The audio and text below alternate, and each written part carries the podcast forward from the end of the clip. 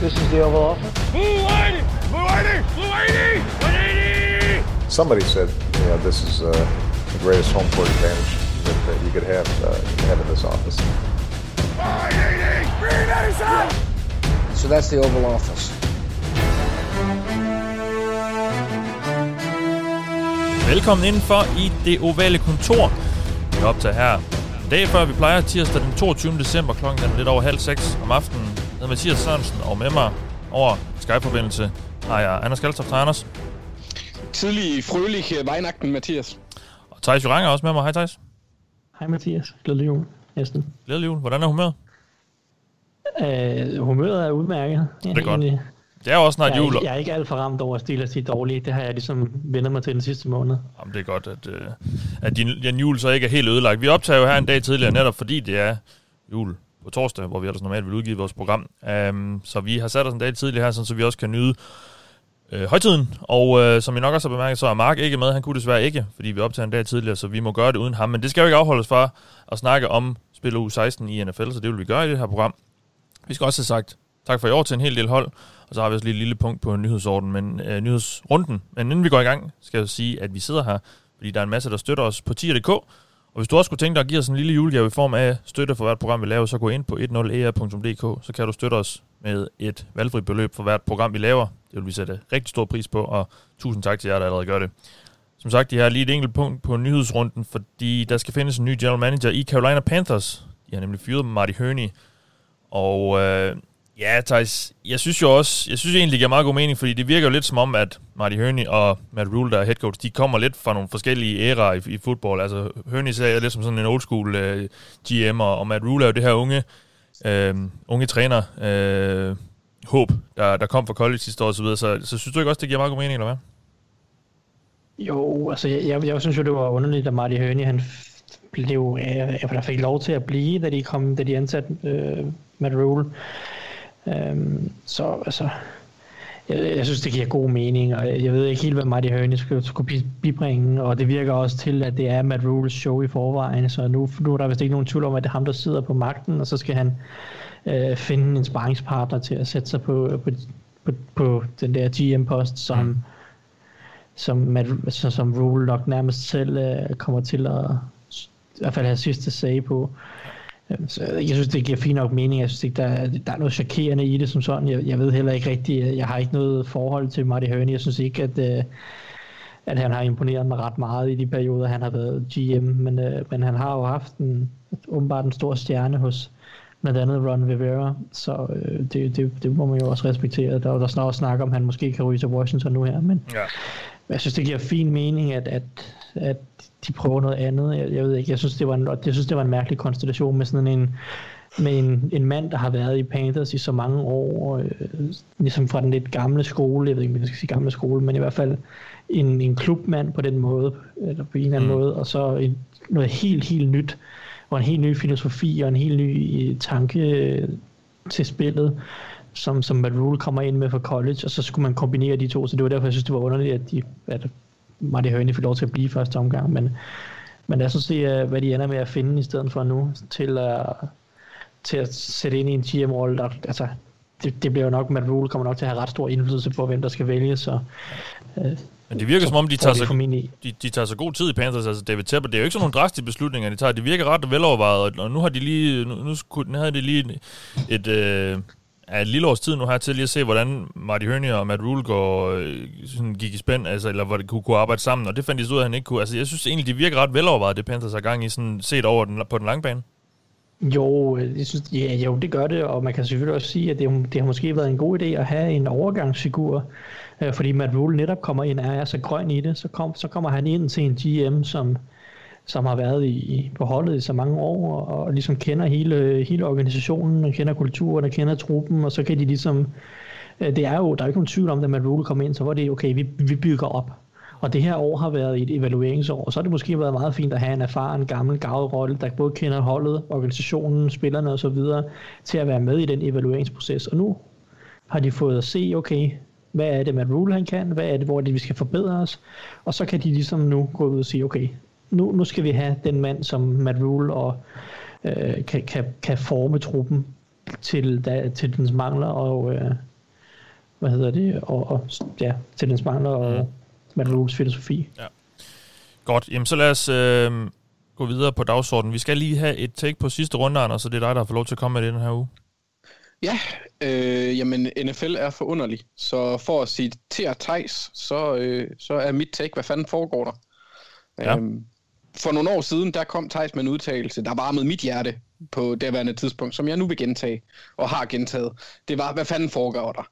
For Thijs han sagde det, fordi jeg havde sagt et eller andet absurd omkring folk, der slår andre, når de bliver mobbet med ikke at kunne puste æg. Øhm, jeg siger, det er tre årsager, der er i min verden er, er temmelig absurde.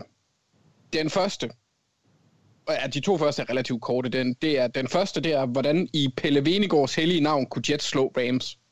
Det, det var simpelthen mindblowing i mit hoved, at et af de hold med et af de bedste forsvar i ligaen, og en af de bedre trænere, kunne tabe til Adam Gase og hans offensiv påfund. Øh, den anden, det er, hvilken ondsindet guddom har du bedt til, Mathias, for at få Bengals til at slå Steelers? Jamen, det, var, var, det, vil, var det, det vil jeg faktisk ikke sige højt. Undskyld? Jeg siger, det vil jeg ikke sige højt.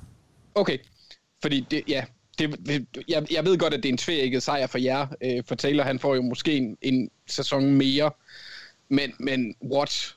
Why? Jeg, jeg, jeg forstår det ikke. How? Øh, ja, lige præcis. og den sidste, den er så bundet i min opførsel. For øh, jeg har været efter Bears hele året, og jeg må så æde min hat nu. Jeg har, jeg har lovet øh, Nikolas Lisevski øh, at sige fem positive ting om Bears, efter de de seneste uger har formået at vende et helt igennem horribelt angreb til et, der faktisk nærmer sig noget godt. Øh, Bill Laser, han har gjort en kæmpe forskel, efter han overtog spilkaldene. over de sidste tre uger, der snitter Bears øh, næsten 400 yards. Det er syvende bedst i NFL i den periode.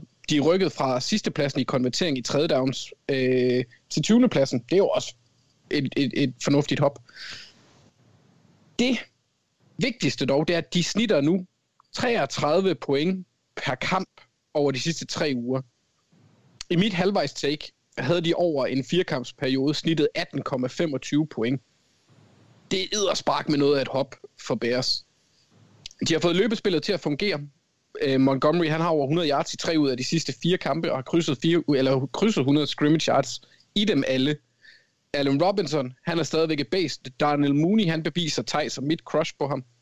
Og så ligner Trubisky en NFL quarterback, der kan fungere, når spilkaldene passer til hans styrker. Og det synes jeg også, man så mod Vikings, hvis man lige ser bort fra hans interception i endzone. Øh, altså, kort sagt, uge 15, det var en af de uger, hvor andre vil sige, at der var to torsdage, men jeg vil sige, at øh, svensk pølseret er den ypperste spise. Det var simpelthen helt absurd. Ja. Ja. Ja, okay. Jamen, øh, det var godt, vi lige øh, fik ros bæres lidt. Vi har været øh, meget lidt begejstret for dem i år. Jeg har ikke taget dem endnu i PIX heller. Men, øh, og det har vi så også øh, måttet bøde for. Fordi de har ja, set, Anders, øh, Anders kom tilbage, eller Anders kom med på vognen en uge for sent. Ja, præcis. Vi, vi må se, om, om det ændrer sig i denne udgave af det ovale kontor. Jeg har på fornemmelsen, der godt kunne, kunne komme en, øh, en, en ændring på det. Nå, vi skal have sagt tak for i år til hele seks hold, der ikke længere kan nå at komme i slutspillet. Det første, det er Patriots, Thijs. Ja, det er jo sådan lidt en mærkelig mellemsæson for Patriots, vil jeg sige. Øh, de, de var jo et sted, hvor at de ikke rigtig kunne starte et rebuild, eller måske ikke rigtig ville starte et rebuild. De ville gerne lige prøve at se, hvad de havde i truppen, fordi det trods alt at de trods alt var rimelig kompetente sidst, øh, i, i 2019 med et godt forsvar. Så de valgte at tage chancen på, på Cam Newton, også fordi de, de lå ikke i en position til at kunne gøre så meget, ret meget andet på quarterback-positionen. Så de to chancer på Cam Newton, det synes jeg egentlig var fornuftigt. Det har ikke rigtig vist sig uh, at være, være det, det, noget godt. Uh, Newton har ikke været god nok, og, og Newton ligner en mand, som, som han har simpelthen for svært ved at kaste bolden godt, effektivt og præcist øh, på nuværende tidspunkt af hans karriere. Så Patriots øh, går ind i en oversisen, der er lidt det samme på en eller anden måde, bortset fra, at de er lidt bedre positioneret i forhold til at starte rebuild, i forhold til at prøve at finde sig en ny quarterback. Fordi der er lidt mere cap space, de har lidt flere draft picks, øh, og, og de har allerede nu, så synes jeg, så småt begyndt at starte rebuildet nogle steder med et par unge offensive linjefolk, der har fået noget spilletid øh, nogle unge receiver, der begynder at etablere sig en lille smule, øh, mest af alt Jacoby Myers nok. Øhm, og så på forsvaret også har de få, også nogle spillere, der har trådt lidt i karakter, trods alt øh, i den her sæson, hvor de har manglet så mange spillere. Så det helt store for Patriots i den her offseason er, at de skal besvare et quarterback-spørgsmål. Øh, og det kommer til at afgøre rigtig meget af det, fordi øh, Patriots skal nok, så længe Bill Belichick er en træner, skal det nok være et kompetent hold. Men de skal have mere for quarterback-positionen, hvis de skal i slutspillet igen. Og så skal de derudover være meget bedre til at drafte nu, fordi nu har de ikke Tom Brady længere. Og, og hele det her Brady, Belichick, uh, Josh McDaniels synergi til at bare bære middelmodige trupper, så de skal være bedre til at drafte bredt. De skal være bedre til at finde talent på de andre positioner udover quarterback. Og der har der simpelthen været for mange misser de sidste par år. Hvis, hvis vi går tilbage til 18, så har der Sony Michel og Duke Dawson som de to første valg. Katastrofe. 2019, Nikhil Harry, Joe Joan Williams, to første valg. Derudover øh, Jotny Kajuste og Hjalte Froholt, som heller ikke øh, var, var de gode valg. Så i år er det også sådan lidt beskeden, hvad de har fået ud af, af Josh Uche og Anthony Jennings og Dalton Keane og Devin Asiasi. Øh, Uche har vist lidt i glimt, men det er jo stadig ikke en bærende rolle, han har spillet sig til nu. Så Patriots skal simpelthen være bedre til at drafte på, på positioner, og så skal de have besvaret quarterback-spørgsmålet. Øh, så, så altså, det er sådan en, en det er jo en off-season, hvor de skal rebuilde lidt, men, men de er jo heller ikke i en prime position til at gøre det, så det bliver lidt interessant at se, hvordan de finder den, altså, hvordan de kører den balancegang i off-season. Men det er sådan lidt en mærkelig mellemsæson, de har haft, hvor de har været okay, men ikke rigtig gode, og, men, men jeg synes ikke, at de, de kunne have gjort så meget andet. Jeg synes, de gjorde det rigtige med at tage chance på Newton. Mm. Det lykkedes ikke, sådan gør det nogle gange. Ja. Godt. Broncos skal heller ikke længere komme i slutspil, Anders. Nej. Det, ja, altså, det, egentlig kort og, og, og simpelt. Skader er, er en del af det. De har indført et, et nyt offensivt system. De er i år et i det, og så Drew Lock har været meget svingende. Nogle gange gennemgående elendig, andre gange okay og rimelig god. Øhm, så det har, altså, det har ikke rigtig udfolde sig på den positive måde øh, for Broncos, hvis man ser bort fra de seneste ugers øh, defensive indsatser, så den offensive linje har gjort det ret godt. Men altså, de mangler bare eksekveringen på angrebet, og Drew Lock, han, han, er, han er nok hovedkatalysatoren bag det. Øhm, og i forhold til det mest skuffende, der vil jeg gerne sige Drew Lock. Øhm, fordi han har været så svingende. Han har nogle meget høje højder og nogle ekstremt lave lavpunkter, og det gør det bare svært at, at præstere, særligt i en division, hvor uh, Raiders og uh, uh, Chiefs har været gode i, i stykke tid i hvert fald. Altså Raiders har været rimelig ringe på det seneste, men de var gode i starten. Ja. Så, er det, så, er det, ja, så er det svært at præstere. Så ja, ja det er rimelig kort, og i, sådan, i forhold til fremtiden, der, der synes jeg, det er mudret at analysere på, fordi beholder de Fangio. Øhm, og Lok. Ja, lige præcis, så kan han udvikle sig, fordi det er de Det gør de nok i hvert fald til, til næste sæson. Det, det, det må man jo håbe. Øh, eller det håber jeg i hvert fald for dem. Jeg synes egentlig, at, at Fangio, han har vist han har vist nok til, at han i hvert fald burde få en chance mere, og så se, hvad der kan ske i år to i, i Schirmers angreben, også når de får Cortland sådan tilbage, for eksempel. Det skader jo nok heller ikke at have ham. Nej. Jeg spurgte også vores øh, kollega på Guldklud, øh, Magnus Jylnes, som er Broncos-fan, angående Drew Lock, fordi jeg synes, det har været meget op og ned, og han var egentlig ret optimistisk på Locks vejen, altså, fordi det er trods alt, som han skrev, det er kun 16 kampe, han har spillet, så det er egentlig kun en sæson i alt, han har, han har spillet nu øh, som starter, så øh, han tror på, at det stadigvæk kan være lidt, øh, lidt håb i ham, og, og, at, og at Broncos stadig bør, i hvert fald bør, bør satse på, at, at det kan være ham, og ikke, og ikke starte forfra endnu en gang. Um, vi går videre til Lions, Thijs, som uh, inden sæsonen i hvert fald er nogen blev, blev set som lidt en outsider måske i NFC North, men uh, nu er de altså elimineret fra slutspillet med, med to runder tilbage. Hvad, hvad gik der galt? Øh, med Patricia. Ja. Kort sagt, øh, så kan vi godt gå videre, skal vi det? Ja, måske. Nej, men altså, det, det er jo bare sådan kort opsummeret. Forsvaret var simpelthen for dårligt. Men Patricia var simpelthen for dårlig. Øh, ikke noget, der er chokerende som sådan. Man havde lidt håbet, at Stafford kunne bære det måske. Øh, Stafford Golladay øh, kombinationen og, og, og en offensiv linje, der egentlig gør det meget godt, en Hawkinson, der har fået et pænt nogenlunde gennembrud, og øh, DeAndre Swift, der kommer ind og sådan noget. Så, altså angrebet overordnet set, og men lidt ustabilt, måske netop på grund af Golladays mange skader, og nu har Stafford så også de sidste par uger været lidt ramt, men øh, lidt ustabilt, men generelt for, fornuftigt angreb. Forsvaret har simpelthen bare været for dårligt. Det er, det er et super, super ringe forsvar, og det er også det, der skal ryddes op i, i offseason. Øh, det, det er simpelthen, øh, der skal komme en ny head coach, en ny trænerstab ind, og der skal simpelthen bare der findes en stor koste fireback frem, og så skal der, så skal der ryddes op. Ja. Øhm, det der så er øh, lidt tricky ved Lions, det er Matthew Stafford og hans kontraktsituation, fordi de, de er jo sådan lidt i en situation, hvor de kan jo sådan set godt trade ham. Øh, kontrakten, de skal snart ud og forlænge ham, eller lave kontrakten om. Om det så er den her offseason, eller måske om de kan strække den helt til, til, til 2022, det ved jeg så ikke, men, men de er sådan lidt et specielt sted, hvor de skal finde ud af, om de vil satse all in på Stafford de næste 5-6 år, altså nærmest resten af hans karriere, eller om de faktisk gerne vil starte på noget helt nyt.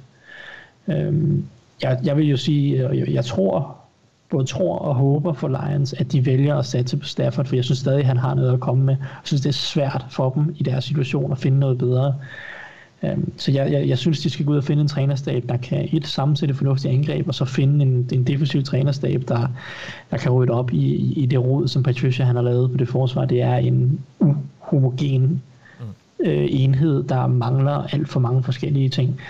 Øhm, og der, øh, der er for få brækker at bygge op omkring på det forsvar, så det kan godt være, at det tager lidt tid, men øhm, altså, angrebet ser spændende ud, og det synes jeg er en, en solid start at få for en, for en ny træner, øh, at der er rimelig godt styr på angrebet. Ja. Og øh, ja, der skal tages nogle beslutninger i Detroit, og det skal der, skal der også i Panthers, men måske ikke nogen lige så store nogen som i Detroit, fordi Panthers tror jeg egentlig føler, de er på meget øh, på, på rette vej, Anders, men øh, de kommer så alligevel ikke i slutspillet i år. Det er måske også forventet, men, men øh, hvad er der ligesom at sige om, om deres sæson? Altså, jeg synes, den har været spændende. Ja. Øh, angrebet har været sjov, og så har de fundet et par unge spillere på forsvaret, der kan gå hen og blive ret store stjerner. Øh, Derek Brown han er begyndt at præstere øh, i pass rush også her på det seneste. Øh, Brian Burns har vist sig øh, vist noget udvikling, og Jeremy Chen han laver nogle spil, selvom han stadigvæk er lidt, øh, lidt rå i sit spil. Men, men jeg synes, det er sjovt, fordi hvis man kigger på sæsonen, så er det nærmest kun nederlaget. Øh, de har tabt 10 kampe, øh, hvis jeg ikke husker helt forkert. Øh, ja, og det er kun nederlagene, nederlag, fuck, det er kun nederlagene til Box, der har været øh, på mere end én score. Alle de andre, der har der været øh, maksimalt 8 point til forskel i slutresultatet i kampene. Øh, så det er 8 ud af 10 kampe, der er endt på den måde, og det er jo alligevel imponerende. Øh, at, at de har, at Matt Rule har formået at, at skabe et kompetitivt hold i år 1, synes jeg er, er ret imponerende. Joe Brady's angreb har været sjovt at se, øh, selvom man, altså, jeg synes egentlig, det har, det har overgået mine forventninger på mange områder, fordi Måske ikke i sejrs øh, kolonnen, men spillet på banen, fordi vi må jo indrømme, øh, Teddy Bridgewater, at han er en herlig gut, at han er en fin quarterback, men han er også begrænset. Og det, er, det, det synes jeg, jeg synes ikke, at man kan, man kan sige, at han har skuffet, fordi han har egentlig bare været det, han er, når han har været skadesfri. Øh, den eneste skuffelse, jeg sådan set kan finde, det må jo være Marty Høney, som, som og ba- alene baseret på, at han gav Christian McCaffrey en stor kontrakt, og det er ikke fordi, jeg synes, at det var helt absurd med de kvaliteter, han har, men set i 2020-vakuum, så, så er det et bust, fordi han har været skadet det meste af året, ja. øh, som running backs nu er. Øh, men, men jeg synes, det er et meget det er en spændende fremtid. Øh, Panthers, de går imod, særligt hvis de kan holde på Brady i minimum et år mere, for ja, de har været sjove, og så synes jeg, at Matt Rule, han virker til at være en god head coach. Ja, Øh, divisionsrivalerne for Atlanta, de er også færdige, Thijs, og jeg ved nærmest ikke, hvad, hvad man skal sige omkring dem i år, så jeg håber, du har, du har nogle ord til os. Øh, ja, men altså, for mig var det jo var det lidt som, som var det lidt som et train, uh, train wreck, man kunne se på afstand. Uh, at det ville gå galt for Falcons i år, synes jeg. Jeg, jeg kan huske, at vi sad sidste år og var ret chokeret over, at de valgte at beholde Dan Quinn som træner øh, med de problemer, der havde været så consistent over en hel del år under Dan Quinn, Øh, og, og, og for den så skyld netop også specifikt til 2019 med, med øhm, Dirk Cutter som offensiv koordinator, så synes jeg, det var ret chokerende, at de valgte at beholde ham. Og det gik jo så også helt galt i starten af sæsonen i, igen, skulle jeg sige, for det gjorde det jo også i 19. Øh, og så derfra har det jo bare været sleepwalking øh, ude, i, ude i intetheden, ikke? Øh, totalt ubrugelig sæson på alle måder, hvilket jo er en katastrofe for et hold, der har en fornuftig quarterback, har super mange gode offensive våben, rent faktisk også har nogle fornuftige spillere på forsvaret. Det her det er slet ikke en trup, der burde være, øh, nu kan jeg ikke huske deres record, om den er 4 10 eller om de er 5 og 9, men det er sådan set også irrelevant. Jeg tror, de er 4 10, men ja, ja. Øh, ja altså det, det, er jo slet ikke en trup, der må være så dårlig på ingen måde. Øh, så det, det er jo bare coaching malpractice, det er øh, ejerskabs malpractice, det er øh, GM malpractice, det er alt muligt, som gør, at den her sæson bare er, er spildt. Altså det er virkelig et spildt år for Falcons i en, på et tidspunkt, hvor så mange år er der ikke tilbage i det her hold med Matt Ryan og Julio Jones og sådan nogle typer. De har i år efter i år har de måske et til to til tre år mere, hvor de er gode. Øh, så det er ufatteligt, at de spiller det år, og det, mm. det, er dyrt at se på, og nu kommer de ind i en offseason, hvor de, de for mig at se, at de er lidt i en offseason situation, som Rams var sidste år, i den forstand, at de har ikke ret meget cap space at gøre godt med. De har øh, mange dyre kontrakter allerede. Deres forbedring skal i høj grad komme fra et, trænerstaben, to, den her ene draft, som de nu har får at arbejde med, og så, øh, og så spillerudvikling. Altså, de, de skal virkelig have en trænerstab, der kommer ind og kan formå at udvikle spillerne. Øh, fordi de har, øh, de har ikke råd til at gå ud og hente alle mulige forstærkninger. Det skal komme via de brækker, de har nu. Og der kan man sige, der har de selvfølgelig også nogle fine brækker med Ryan Ridley og Julio og øh, Hayden Hurst og, og hvad ved jeg, Russell Gage gør det også okay, og, og et par offensive linjefolk, der er fornuftige. Øh, defensivt har de selvfølgelig Dion Jones og Grady Jarrett og, og et par andre spændende brækker, men alt det fyld, der skal rundt om de her fine spillere, øh, er ikke ret kønt, på i hvert fald på mange positioner. Ligesom det heller ikke var for Rams sidste år. Men Rams formåede så at udvikle nogle af de her spillere, og fandt så et par andre små uslipte diamanter rundt omkring, som de har fået udviklet. Det er det samme Falcons skal ud og gøre, hvis de skal være rigtig gode næste år. Så det bliver meget interessant at se, om de kan finde en trænerstab, hvor man begynder, hvor man tror på, at det kan lade sig gøre. Øhm, det, det, det får vi jo se, når vi, ja. når vi finder ud af, hvem der skal være den næste trænerstab, eller næste træner for, for Falcons. Øh, fordi det er, en, det er en svær situation, Falcons står i. Men øh, ja, ja. det er ufatteligt spildt år 2020, ja. må man sige. Og øh, det følte de måske også lidt i 49ers, Anders, men øh, det er så måske lidt andre årsager. Vi skal sige tak for, for i år til dem også. Ja, det, det gik nærmest galt, var det i uge, uge 2 mod Jets, hvor, hvor Nick Bosa han gik ned, og de fik et par andre skader, fordi deres sæson hedder bare skader, skader, skader. De har, de har 14 spillere lige nu på injured reserve. Øhm, de har mistet øh, Nick Bosa, George Kittle og Jimmy Garoppolo også undervejs, og det er jo, kan man sige, tre rimelig store brækker. Øhm, I hvert fald i forhold til deres planer om at vinde i år. Mm. Jeg synes egentlig, at de har været altså præsteret positivt i nogle øh, henseender, når man tænker på, hvad det er, de har sat på banen. Øh, jeg synes, man kan måske godt argumentere for, at deres quarterbacks er skuffet lidt, øh, men jeg synes, det er svært at vurdere i sin helhed, fordi holdet har været så skadespræget, som det har været tilfældet. Altså, jeg tror, det havde set anderledes ud, hvis man havde haft Bosa, Kittle og, og Garoppolo, selvom Garoppolo ikke ligefrem var en world beater, da han var på banen. Øh, men, men det er skader, der er sine for, for 49ers i år. Ja. Synes og, jeg. Men, og af den grund er fremtiden vel øh, så heller ikke uh, så dyster? Det synes jeg ikke. Jeg synes stadigvæk, den er positiv. Uh, de, skal, de skal så finde en quarterback, tror jeg, hvis de skal gøre sig håb, forhåbninger om at, om at vinde Super Bowl på et tidspunkt. Ja. Der må jeg indrømme, det tror jeg ikke på, at Jimmy Garoppolo han kan. Uh, jeg ved heller ikke... Altså, han kan til en Super Bowl. Ja, det kan han. Det kan han. han også, så kan han vel også vinde lagt, Måske. Det ja. kan han måske. Det kommer selvfølgelig an på, hvem de møder. Ja. Øhm, men, men ja, altså jeg, jeg, vil, jeg vil måske sætte min lid til, en, øh, til at prøve at finde en anden spiller, hvis det var muligt også. Mm. Men det er jo også lettere sagt end gjort. Altså, det, ja. Men, ja. men ja, jeg synes, det eneste, hvis man skulle være lidt kæk, det er, at man jo så kan sige, hvad er det, er det tredje sæson for Shanahan nu? Mm, nej, det er vel, jo, Nej, det var jeg tror fjerde. det fjerde. Det fjerde. Var det ikke efter, var det efter 16, eller i 16, han blev ansat? Ja, det var efter yeah. 51. Ja, det er fjerde sæson, det her. Super, okay. Det var efter Super Bowl med Falcons der. Ja, han, han blev ansat i 17. I 17, så er det vel... Så, ja, okay, det er rigtigt. Det er fjerde sæson. Øh, ja. ja, men så er det jo, ja, det er jo bare fordi, det, det, er jo ikke, det er jo et mix af virkelig dårlige sæsoner og så gode sæsoner. Ja. Øh, man har jo reelt set kun haft en god sæson som jeg husker det. Ja. De valgte jo to år i, i, i 19. Ja, men han, måske, han har måske også kun haft et, en sæson, hvor han havde det hold, han rent faktisk havde sat sammen. Altså, hvor det ikke var ja. en skade, eller hvor han havde i hvert fald et godt hold. Øh, ja, ja. af de ene eller de andre årsager. hvis jeg skulle, hvis jeg skulle være sådan en konspirationsteoretiker-agtig noget. Ja. Men øh, ej, jeg, tror, jeg tror, de går en fin fremtid i møde, hvis mm. de kan få, øh, få styr på skaderne, og så få quarterback-spillet opgraderet en lille bitte smule, for ja. de har været meget skadespredt. Debo Samuel har også været en del skadet. Om jeg er sådan set enig med dig på, med, med det med quarterback. Det er også bare for at gå der lidt på klingen med det, fordi jeg mm. har også mine betænkninger ved, betænkeligheder ved, ved Jimmy Garoppolo, og jeg tør ikke tænke på, hvad det hold kan, har potentiale, hvis de fik en quarterback, der rent faktisk måske endda løftede øh, dem omkring sig, i stedet for at, at skulle løftes af dem omkring sig. Så det, Ja. øh, det, det, det kan godt blive rigtig spændende igen. For Niners. Også, også når, man, når man kigger på deres øh, Bra- Brandon Ayuk, for eksempel i år, han er, han er over de seneste par kampe har han været fremragende. Øh, virkelig en spændende spiller, så hvis han havde en quarterback, der var et højere niveau end Nick Mullins og øh, Jimmy, så, så vil det jo også være spændende at se, hvad han kunne gøre. Ja. Vi vender blikket fremad nu og kigger på kampene i næst sidste spillerunde i grundspillet. Vi nærmer os snart de helt, helt sjove kampe.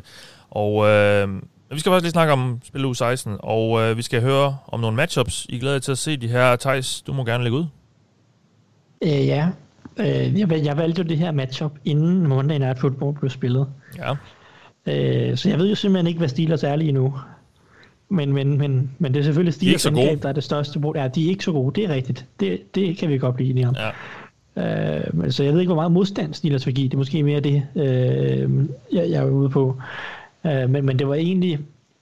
Altså, nu var Steelers' angreb det største problem, men det var egentlig faktisk Steelers' forsvar mod Philip Rivers, jeg gerne vil se. Og det er mest faktisk med, med Philip Rivers brillerne på, jeg gerne vil snakke lidt om det, fordi jeg har jo tidligere i år øh, brokket mig et par omgange øh, over Philip Rivers. Jeg har ikke brokket mig, men jeg har sagt, at jeg tror ikke ret meget på, at Colts skal gå hele vejen. Fordi jeg synes ikke, at Philip Rivers viser de kvaliteter, der skal til øh, for at producere noget, når det spidser til.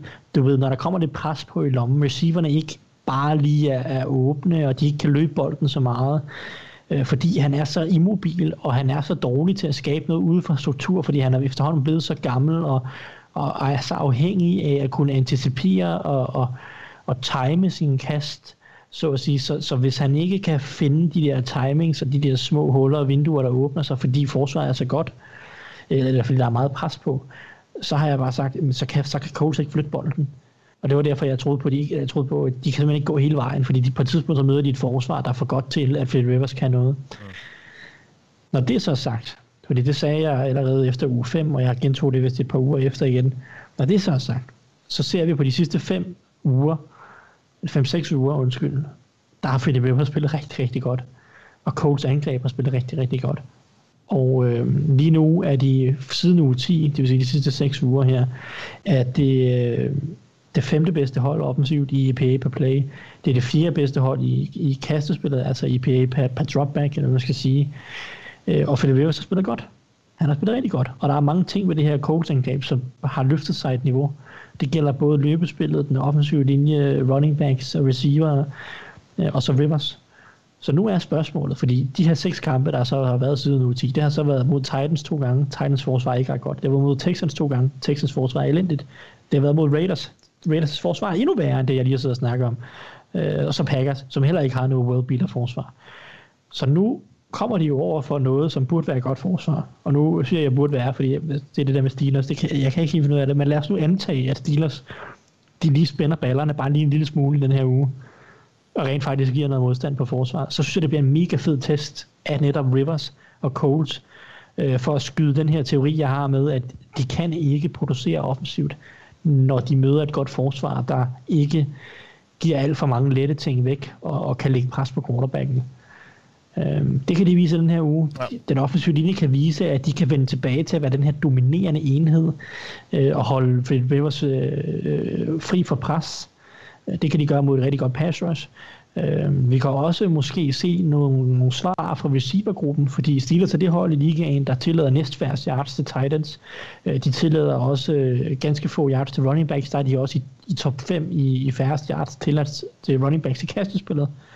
Så det er et hold, Steelers, som, som ofte, øh, når de tillader yards, så er det ofte øh, udvendigt til receiverne, øh, og så lidt i løbespillet de sidste par uger, men igen, det det der, jeg ved ikke rigtig, hvad Steelers er lige nu, om de gider egentlig, men, men, men øh, altså i princippet, så er det jo ofte, så er det ofte receiverne, der skal slå Steelers' forsvar. Og, og det har ikke været Colts' foretrukne metode at flytte bolden på, men, men omvendt.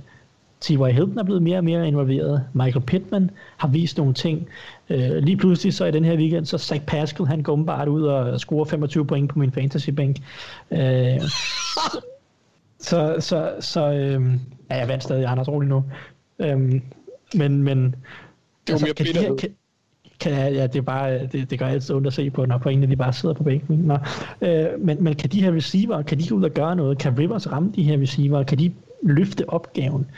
Øh, jeg, jeg synes, det er et rigtig fint matchup for at blive meget klogere på Colts, fordi jeg, jeg har personligt afskrevet Colts en lille smule for at gå hele vejen. Dermed ikke sagt, at det ikke er et godt hold. Det er det tydeligvis. Øh, men hvis de kan gå ud og smadre det her Steelers forsvar, eller du ved, bare fortsætte med at se gode ud og velfungerende ud, og få gang i Jonathan Taylor og holder Rivers nogenlunde fri for pres og fordeler bolden til receiveren og sådan noget, så begynder jeg at tro på, at det her angreb, det her hold rent faktisk kan, kan producere noget offensivt mod alle typer forsvar til, at at, at, at de kan godt være med hele vejen. De kan godt vinde alle, alle typer af kampe. Øhm, og det, det vil være et stort skridt for Coles og, og min tiltro til dem hele vejen. Ja. Øhm, hvad med din tiltro til Steelers? Øh, den er meget lav lige nu. Ja, altså, men, men, men, men kan det reddes? Det, det, altså, kan, kan, de, kan de få rettet op på det, eller hvad? Ja, det, altså, lige nu er der jo ikke meget, der tyder på det, kan man sige. Men jo, det kan det jo godt. Øh, det burde de jo kunne. Det er en bundrutineret trænerstab og en bundrutineret quarterback. Så det kan godt være, at Roethlisberger han spiller en af sine dårligste kampe i karrieren her i nat. Men altså, der, der må jo være basis for at det her det stadig, altså det kan vende tilbage til at være et funktionelt angreb. Og jeg tror lidt, at lige så straks, at det her angreb vender tilbage til at være funktionelt, så kommer der også lidt mere pep i, i forsvaret, som har været i en nedadgående formkurve. Men det er med også svært at spille forsvar, hvis du drive efter drive ser dit angreb bare overhovedet ikke kunne noget som helst. Og derudover så også begynder at få nogle dårlige field positions at arbejde med, fordi at Rodgersberger begynder at lave turnovers osv. Så, så jeg tror bare, hvis angrebet bare lige kan lige løfte niveauet tilbage til det her gennemsnitlige angreb, som det var i starten af sæsonen, funktionelle angreb, øh, så tror jeg, at forsvaret kommer væk igen. Ja. Så jo, der er vel håb, og de har, og nu har de to kampe til at prøve at finde ud af det. Men øh, det, altså, det starter med Rodgersberger. Han skal jo spille bedre. Mm. Det, det var helt ubeskriveligt ringe i nat. Øh, jeg, er ikke, jeg er ikke sikker på, at jeg har set den første halvleg så dårlig fra nogen quarterback overhovedet i år. Øh, han havde i midtvejs i anden quarter, han kastet for minus to yards med en interception og en fumble. Altså, mm, ja. men, øh, men, men, men, men jeg ved ikke, det, det ser håbløst ud lige nu, men ja, nu, nu må vi se. Jeg har to kampe ja. og, og overbevise øh, mig og alle andre om, at de stadig kan være et, et, et hold, fordi hvis de får forsvaret, eller hvis de får angrebet tilbage til at bare være funktionelt, så, så, så er det stadig et, et, et fornuftigt hold, Steelers. Så har de stadig nogle, nogle, nogle ting, de kan vinde på mod ja. de fleste modstandere. Men, ja. men puha, det er tungt lige nu. Ja. Jamen så lad os gå videre til Anders. Hvad glæder du dig til at se i weekenden? Jamen, jeg, jeg overvejede lidt at bare vende Thijs' matchup om uh, Ben Roethlisberger mod et godt forsvar, for det er også et sjovt matchup. Uh, nej, ikke lige nu, synes jeg ikke. Nej, nej det gør jeg. Det synes jeg, jeg, jeg, håber, jeg håber, han vinder den i den her uge. Eller fortsætter med at kaste Deontay Johnson i hvert fald. Øhm, jeg har valgt at fokusere på Quinn Williams mod Browns indvendige offensive linje. Ja. Øhm, for over de sidste mange uger, der er den herlige bamse til Quentin Williams. Han er begyndt at vise, hvorfor han blev valgt med tredjevalget i 2019. Øhm, over de sidste fem uger, der har han haft 24 pressures, 5 sacks, 17 tackling. Han, han, han har generelt bare været en gamebreaker, ikke kun på stats med, øh, stats-siden. Øh, og det synes jeg er fantastisk at se, for han er en enormt tiltalende person. Øh, og som jeg husker det, var han, is, var han også var han ikke din højst rated spiller? I... Øh, jo, det, jo, det var han. Jeg havde ham, jeg havde ham over Nick Bosa, hvilket nok var en fejl. Men ja. vi begynder at kunne se talenter nu, ikke? Men... Ja, og det, det, det, det har ladet vente lidt på sig. Ja, ja, det har det. Men han har også han døde med en skade sidste år, så det ja. har måske også haft en, øh, en effekt på sidste års produktion. Og så spiller han også på et pillelendigt hold, hvor der ikke rigtig er ret mange andre end ham. Øhm, men i den, i den her uge, der står han over for en af ligaens stærkeste offensive linjer, og jeg glæder mig enormt meget til at se, hvordan han klarer øh, sig imod øh, vores kollega Dennis Kortsens øh, yndlingsbarn, Joel Betonio, og så Wyatt Teller, der begge er i toppen af ligaen på deres positioner. Ja. Det bliver simpelthen så fedt, og, og, og hvis Quinnen... Som er guards. Han, ja. Hvad siger du? Jeg siger, ja, de, de guards, guards ja. Ja, man kunne også nævne JC Treader på center, øhm, men det bliver, bare, det bliver bare fedt at se, fordi hvis Quinnen han kan, han kan smadre lommen mod de to, hjælpe med at stoppe løbet og presse Baker, så har Jets måske en chance. Fordi Browns forsvar, det er ikke godt. Så det er en, en, en lille isoleret juledelikatesse, der er i vente der. Kan man vinde på Lotto to uger i træk, Jeg tvivler. hvis man er hedder New York Jets? Jeg tror det ikke. Det, det tror jeg ikke. Nej. Nej, okay. Men spørgsmålet er så også, om det er at vinde i lotto for, for Jets fans på den lange bane. Ja, jeg tror, der er nogen, der måske er lidt ked af, at de vandt den kamp. Men øh, Det, det lød i hvert fald sådan med Kai Becton. Han var nødt til at gå ud og brokse lidt. Lad os nu se. Jeg tror, at Chargers, de er meget glade for, hvilken quarterback de endte med sidste år, øh, selvom de ikke havde frit valg. Så, så må ikke, øh, man kan få noget fornuftigt alligevel, selvom man ikke vælger først. Jo, det er jo ikke til at sige alligevel. Der skal jo gå lidt tid. Havde du mere til det her matchup? Nej, Så går vi videre. Why? Why? Why? Why? Why? Why? Tell me why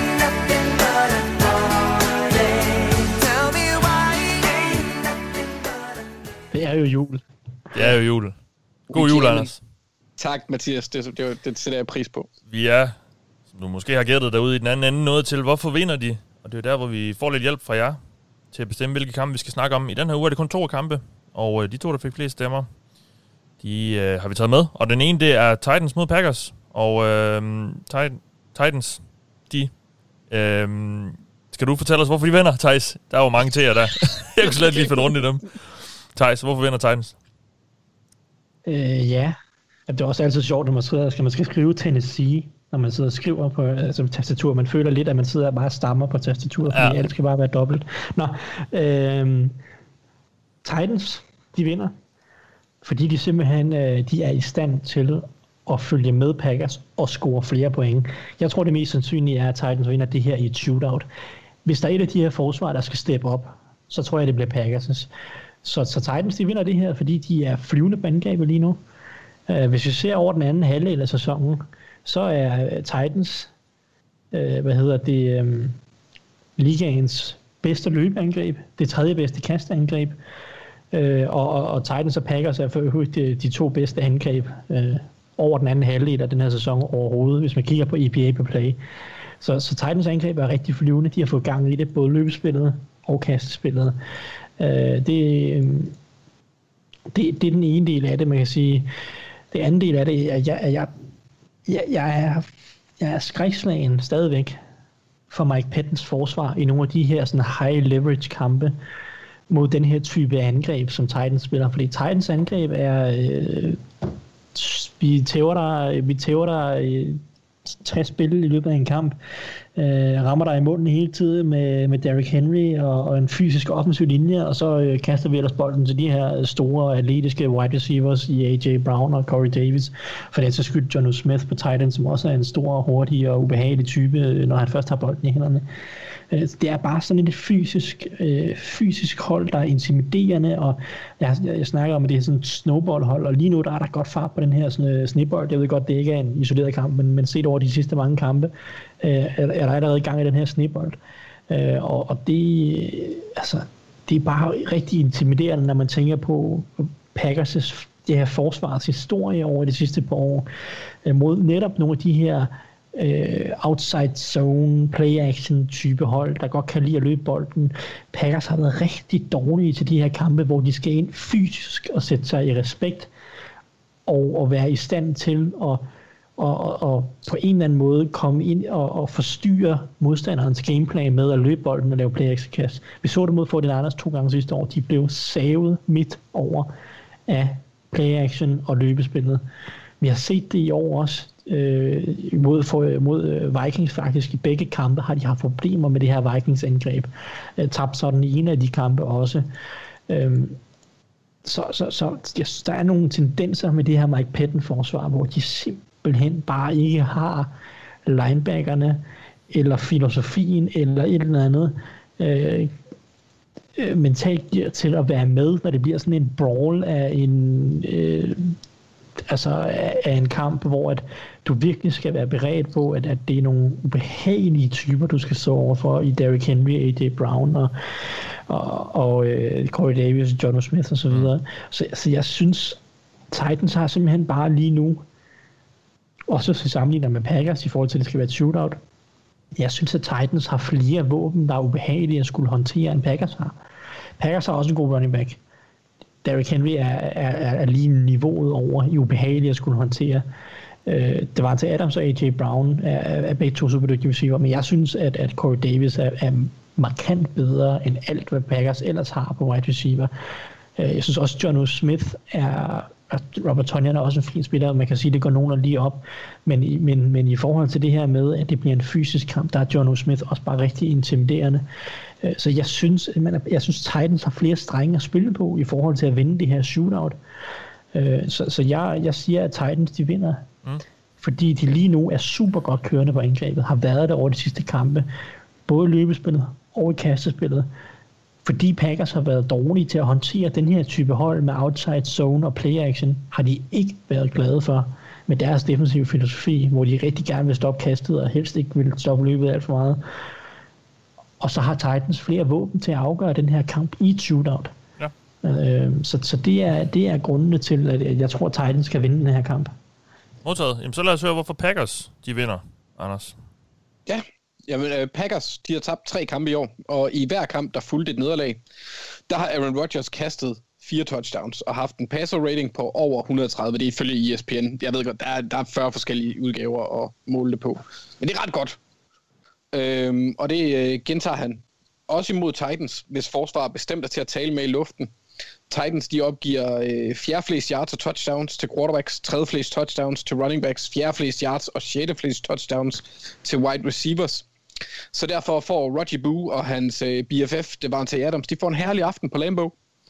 Som Thijs han nævnt, så er Aaron Jones også en fin quarterback. Og øh, i mine øjne behøver han ikke dominere mod Titans, selvom der er mulighed for, at han kan gøre det. Men han, han bliver en trussel. Øh, det, der taler for Packers kontra Titans, hvis man kigger sådan... Packers offensiv linje er spark med god. Og de kan også de kan dominere øh, Titans fysisk. Så nu snakkede Thijs om at dominere fysisk. Det er fair nok på forsvaret. Det er ikke der, Packers de vinder kampen. Det ved, det ved vi godt i forvejen i, i, i den her kamp. Det bliver angrebet, og det bliver Rodgers, der præsterer lige et nyk bedre end Tannehill, der har været vanvittig god her på det seneste. Det, det, det må jeg give ham. Jeg synes, det er en fed kamp. Øhm, men det er netop evnen til at score, der afgør kampen til Packers fordel. For på forsvaret, der matcher, matcher Packers kan vi sige, knap så effektiv løbeforsvar ikke ret godt op mod Derrick Henry. Øhm, jeg tror dog godt, at de i luften kan sætte en dæmper på AJ Brown og Corey Davis. Altså, jeg tror ikke på, at de lukker ned for dem. Men jeg tror godt på, at de kan dække dem op, eller de kan godt dække dem op længe nok til, at Darius Smith, øh, Kenny Clark, Preston Smith og Rashawn Gary kan forstyrre Tannehill nok til, at forsvaret øh, som enhed laver spil nok til at lave et par stop. Øhm, fordi de, den, den gruppe af spillere har, har, har oppet sig på det seneste. De har fået flere pressures. Øhm, vi ser, at Darius Smith han er kommet op på 11,5 sack, tror jeg. Øh, Rashawn Gary er begyndt at vise sig lidt fra, hvor, at vise lidt af, hvorfor han blev taget i første runde. Så på forsvaret har de flere spillere, der kan gøre en forskel, hvis man ser det over for Titans. Ja. Øhm, mens jeg synes, at de er sådan nogenlunde lige matchet op på angrebet, hvor jeg så synes, at Rodgers gør en forskel, særligt hvis han får uanet mængder af tid mod et rimelig tørt pass rush. Øhm, så Green Bay, de vinder simpelthen, fordi et, Rodgers han er sur og slår sig løs i luften. Forsvaret, de laver lige et par stop, og så tror jeg, at, øh, eller så angrebet her, scorer lidt flere point end Titans. Ja, Vi er enige om, at Packers de vandt i sidste weekend. ja det er, weekenden. jeg skulle også lige Jo, så... jo, jo, jo men, men øh, skal vi sige, i forhold til sidste uge, der spillede Aaron Rodgers ikke særlig godt. Så det var, Så det det var et nederlag, så han tabte, han, han tabte kampen, men Packers vandt. Eller hvad siger du? Nej, nej, nej, jeg siger bare, at han havde en dårlig kamp, så han er nok rimelig sur. Ah, okay, på den måde. Ja, Øh, jeg tror, hvad var det, han havde 143 yards eller sådan noget. ja okay. Det var, det var øh, på, fra hans side var det ikke en su- super effektiv kamp, eller, eller god kamp. Så jeg tror lige, han vender den, og bliver, bliver lidt sur. Han skal lige sikre sig, at han får MVP-titlen og, og viser, hvem der er the man. Ja, jamen uh, tak for det. Vi går videre til uh, Rams mod Seahawks. Uh, to hold, der måske er lidt på gyngende grund efter nogle uh, knap så imponerende præstationer. Uh, Thijs, hvorfor uh, rejser Rams sig efter det pinlige, pinlige nederlag til Jets? Ja. Det, det, det, er jo- det, er jo, det er jo dejligt. Øh, lad, lad, os, øh, lad, os, lad os starte med det der med Jets. Det, det var bare en off-dag. Jeg tror ikke, vi skal ligge så meget i det. Nej, de kunne Øh, også sagtens have vundet til sidst, der, hvis ikke de... Altså, hvis de, hvis de havde taget sig bare lidt sammen. Ja, med lidt held. Så, så, så det, men det er jo, hvad der sker. Det, det, det hænder, at man nogle gange øh, dummer sig. Og det, øh, det kan der altid som Steelers-fan, at, at, at holdet nogle gange gør øh, mod de der dårlige hold. Og så, så jeg tror ikke, vi skal lægge for meget i det i forhold til den her Seahawks-kamp. Derimod vil jeg sige, altså Rams, synes jeg bare stilistisk set, matcher rigtig godt op mod Seahawks. Øh, Og vi snakkede også om det i den første opgør mellem de her to. Den måde, de spiller forsvar på, det, det er bare ikke en måde, Russell Wilson kan lide at spille mod. Vi har snakket meget om, om det her med at tage det dybe væk og, og have, have to, spille med to dybe safeties mod Seahawks. Rams er jo kongen af det. Det er jo dem, der har... Øh, det, var, det var Rams, der reelt set rigtig satte skub i det her, øh, den her Seahawks offensive derot. Øh, fordi Seahawks angreb er jo stagneret den sidste halvanden måned. Og, og det, det, var, det, det begyndte for alvor i den her kamp mod Rams, som viste, at når du kører de her to dybe, tager, tager det væk, så viser de nogle ting, okay, så er Seahawks ikke så farlige, fordi så kan de ikke få lov til at tyre den dybt til Metcalf hele tiden. Nu har Ramsey, Rams så også Ramsey til at stoppe Metcalf, og der er ikke, jeg er ikke sikker på, at der er en bedre cornerback til at tage Metcalf ud af spillet, fordi han er øh, næsten lige så stor og lige så hurtig som Metcalf, øh, den gode Ramsey. Så altså, de har våbne, de har, undskyld, de har filosofien, øh, hvad, de har filosofien til at tage det dybe væk. De har en, den bedste cornerback i ligaen til at tage Seahawks bedste wide receiver væk. Øh, og, og, og så har det gik jo fint bare Undskyld, jeg siger du, undskyld? Det gik jo fint sidst med Ramsey over for Metcalf. lige præcis. Øh, jeg Altså mener, for- for at Rams. Metcalf havde 28 yards i den kamp. To catches. Ja, øh, så, så, så det er jeg sådan mener, at, at de kan tage Seahawks styrke væk ret let. Det viste de i sidste kamp. Øhm, og så har Seahawks angreb bare set super, super dårligt ud den sidste måned. Øh, de har slet ikke kunnet finde melodien. De har ikke kunnet finde svar på, hvad, hvad gør vi så, når, når holdene begynder at være dygtige nok til at tage det dybe væk. Øh, og, og, og jeg, er ikke, altså, jeg, jeg, ved ikke, hvad, jeg ved ikke, hvad de så gør. Jeg ved ikke, hvor det skal komme fra. Om det skal komme fra Tyler Lockett, eller hvad der skal. Fordi der, der er også andre problemer på linje, eller på, på holdet, på angrebet. Blandt andet den offensive linje, hvor man lige nu famler i blinde på venstre guard, øh, og kører rundt med, med Jordan Simmons og Mike I- I- Iopardi og så videre, som, øh, som begge to er super dårlige. Og, og så kan vi jo sige hej til Aaron Donald, der øh, i den her weekend satte sæsonrekord for alle spillere i ligaen for den højeste øh, pressure percentage, tror jeg. Jeg tror, han var han havde eller, øh, pass rush win rate. Jeg tror, han havde en pass rush øh, win rate på lige under 50% her i weekenden. Så det er det er lidt- på 50% af Jets kastespil, der vandt øh, Aaron Donald sit pass rush matchup. er jo han havde 10 pressures i alt. Ingen sacks, men der kan du se, hvorfor sacks de lyver som stat. Ja, ja. Øh, altså, han var et monster i weekenden, Aaron Donald, og øh, mod et hold, som har en rookie på den ene guard, Damien Lewis, spiller fint, bevares, men stadig en rookie, og, og, og store problemer på den anden guard, så er det bare, puha, Russell Wilson, han skal øh, løbe rundt igen og, finde på noget med Aaron Donald, jagten efter sig, øh, som vi jo efterhånden synes, jeg har set i mange år med, med i, i de her matchups mellem Rams og, og, og Seahawks. Så jeg synes bare at sige, at Rams har alle ingredienserne til at fortsætte den her øh, Seahawks offensive øh, stagnering. Og så vil jeg sige en ting i forhold til Seahawks forsvar, som er blevet lidt bedre i løbet af sæsonen. Jeg er stadig ikke sikker på, at, at de har de remedier, der skal til for at, sådan, for at lukke ned for Rams-angrebet. Er deres løbeforsvar godt nok til, at, at du kan tage den krykke væk, som, som både Goff og McVay godt kan lide at støtte sig op af, altså det her løbespil. Øh, de er det 18. bedste løbeforsvar i ligaen. Det er jeg ikke sikker på er godt nok til at tage den her krykke væk. Øh, og så har de jo også et, et stadigvæk et middelmodigt pass rush i min optik, øh, selvom det er blevet bedre efter Carlos Dunlap. Han nummer godt kan sække folk og i det nordvestlige USA. Øh, så kan de gøre Jared Goff ukomfortabel nok, som vi har set nogle andre hold gøre. Hmm, det, det, det, det tror jeg ikke, fordi man kan også sige, at Jets er det tredje bedste løbeforsvar øh, i ligaen på EPA per play, så, så der har du måske også en af grundene til, at de kunne lave det her opsæt.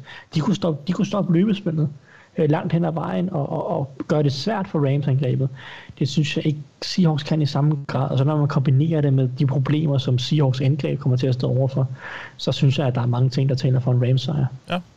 Jamen, så lad os høre, Anders, øh, hvorfor det ikke ender sådan. Hvorfor Seahawks vinder? Ja, men øh, jeg er jo øh, det er rimelig enig i meget af det, Thijs han siger, så jeg kommer til at sige noget, jeg aldrig troede, jeg ville sige i år. Seahawks, de vinder, fordi de evner at gøre som Jets. Øhm, ja. ja, og, og endnu en ting, jeg ikke havde, havde øh, forestillet mig, det var, at jeg skulle fokusere på, at de vinder på grund af deres forsvar. Øhm, for deres vej til sejr, den, den, den bliver skabt ved at presse øhm, Ramses middelmodige i, til dårlige offensiv linje. Den, den har i hvert fald været skal vi sige, øh, tvivlsom over de seneste par uger. Og så hiver de jo hovedet af Goff, og det gør de med en defensiv front 7 plus øh, Jamal Adams, der præsterer. Og, og selvom, som Thijs nævner, øh, pass rush ikke umiddelbart er Seahawks største styrke, så er de, som jeg snakkede om i sidste uge, ikke dårlige til at ramme quarterbacken. Øh, mod fodboldteam, der skabte de 19 pressures, øh, anført af Jaron Reed, som, øh, men, men der var alligevel seks spillere på øh, primært på linjen, og så Jamal Adams, der havde øh, to pressures eller mere, mens fire spillere havde et seks, så de fordeler det rimelig godt ud. Øh, det pres vil så få puttet Jan Goff i en tynde, og Jared vil dukke op. Og når han dukker op, så er der muligheder for, at forsvaret de kan, de kan lave nogle spil ja. og tage bolden væk. Øhm, det vil jeg så ikke fokusere der, der er det primært Quan Bray Dix og DJ Reed, der er de største trusler på det punkt. Øh, DJ Reed har spillet fremragende på det seneste også. Øh, men de, de får simpelthen frustreret Jared Goff på, øh, eller, eller på den defensive side, sådan at han laver fejl. Og da de mødtes øh, tidligere på året, jeg tror det var i U10, men jeg er ikke helt sikker, Øhm, der holdt de alligevel Rams til kun 106 yards på jorden, så det er ikke umuligt for, for Seahawks at, at hæmme deres øh, løbeangreb og dermed frustrere dem lidt mere. Øhm, det gør de så. I, i, det vil hjælpe dem ret lang vej øh, mod en sejr her. Ja. Øh, på angrebet, der udnytter Russell Wilson, at Rams er til at tale med i løbespillet, og så minimerer de de dybe skud, så han ikke holder bolden så længe. Ikke, ikke super meget, for det, det kommer de ikke til. Det gør de bare ikke. Men de går lidt væk fra øh, no risk it, no biscuit tilgangen. Det så vi også mod football team, hvor øh, Wilson han holdt øh, bolden i 0,2 sekunder kortere, end han plejer, sådan gennemsnitligt. Øh, det gentager sig i den her omgang. Så kører de angrebet igennem en blanding af tight ends, løb af Carson, plus Wilson også. Øh, og så, fordi, fordi Rams jo godt tillader løb, og også mod quarterbacks er de også... Øh, gør de det også en gang imellem. Øh, men det bliver særligt Tyler Lockett, der bliver en vigtig komponent på angreb, fordi han skal, i- han skal i scenesættes, hvis de skal vinde, fordi Ramsey, som Thijs nævnte, kommer til at dække Metcalf, og det gjorde han effektivt i det første opgør, hvor han igen, som Thijs nævnte, 28 yards, to catches. Det kommer op, altså der er en chance for, at Metcalf han også godt kan vinde den, men det er ikke der, jeg vil lægge mine penge. Så Seahawks, de vinder, fordi de formår at ramme Jared Goff, presse ham, Øh, de løber Wilson og Carson effektivt, og så udnytter de Tyler Lockett i en relativt lavt scorende kamp. Jeg tror, at den skal gentage, øh, hvad kan man sige, footprintet fra Washington-kampen, måske med lidt flere point på hver side, men det bliver i den stil. Ja. Jeg har fået et spørgsmål til Seahawks fra Christian Norbæk. Han spørger, om det er dårlig coaching, eller om Seahawks er blevet læst, for spillet er godt nok nedadgående. Hvad er vores, vores bud på det? Øh, en kombination jo nok. Ja. Øh, Selvfølgelig er det, er det, det er jo aldrig god coaching, når du render ind i et problem, som du efter 5-6 kampe nu snart ikke, kunne, lø- ikke har kunnet løse indtil videre. Øhm, så, så det er jo et problem. Øh, Ellers så vil jeg sige, øh, jo, altså Seahawks er jo blevet læst i en anden forstand i forhold til de angreb, de kom ud øh, med i starten af sæsonen. Øh, Så, så lige nu har de nogle problemer, og der, det er jo op til coachingstaffen at finde ud af, hvordan løser de dem. Den anden ting er så, at de, de har nogle talentmæssige problemer nu her, synes jeg, på den offensive linje, som gør, at de ramte en periode, hvor Russell Wilson blev lidt mere utryg, og tog nogle dårlige beslutninger, blandt andet under den offensive linje, også fordi Wilson havde nogle dårlige kampe. Og det virker også lidt som om, at Wilson han er blevet lidt mere gunshy oven på hans, øh, han havde jo lige en steam der, hvor han kastede, var det tre, øh, over, over tre fire kampe kastede han jo en, en 7-8 interceptions, eller hvad det var, ikke?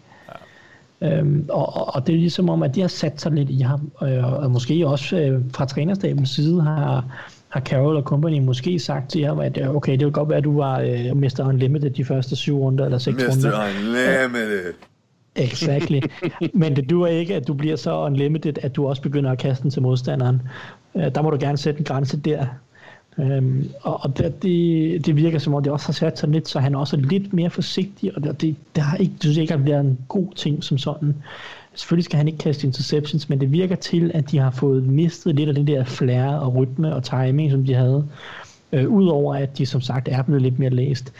Øh, så, så jeg er sådan set enig med Anders i, at for mig tror jeg, at nøglen for det her angreb, for at åbne det op igen, bliver at de får Tyler Lockett lidt mere involveret på kreative måder, finde nogle måder at sætte ham i scenen på, øh, for at give noget afveksling til mange af de her dybe. Og det er jo ikke fordi Tyler Lockett ikke kan arbejde dybt, men Tyler Lockett er deres bedste bud på en spiller, der kan arbejde lidt med nogle kortere kast, øh, måske altså mellem numrene. Øh, så, så det, jeg er enig i, at, at Lockett mås, måske er ham, jeg vil kigge på, hvis jeg var Sions trænerstab. Vi skal have ham mere med for at skabe lidt mere rytme. Jeg, jeg vil også lige sige i forhold til, om det er dårlig coaching, eller om de er blevet læst. Hvis dit hold bliver læst, og det ikke ændrer sig, så er det dårlig coaching. Ja, det er måske en meget god måde at stille op på. Inden vi skal have sat vores picks, så skal vi lige have en bud på nogle spørgsmål, vi gerne vil have svar på i den kommende runde. Og uh, Thijs, du må gerne lægge ud. Ja, jamen... Øhm, Jeg glæder mig, Thijs. Ja, det gør du jo. Det gør du jo. Du var så pessimistisk her midt i sæsonen med dine Ja, det- Baltimore Ravens. Det, det, det, er det som er om, at vi har skiftet. er byttet. Ja, how the, how the times change. Nå, øh, fordi at øh, de sidste tre kampe har, har, har Baltimore Ravne har de øh, scoret 34, 47 og 40 point.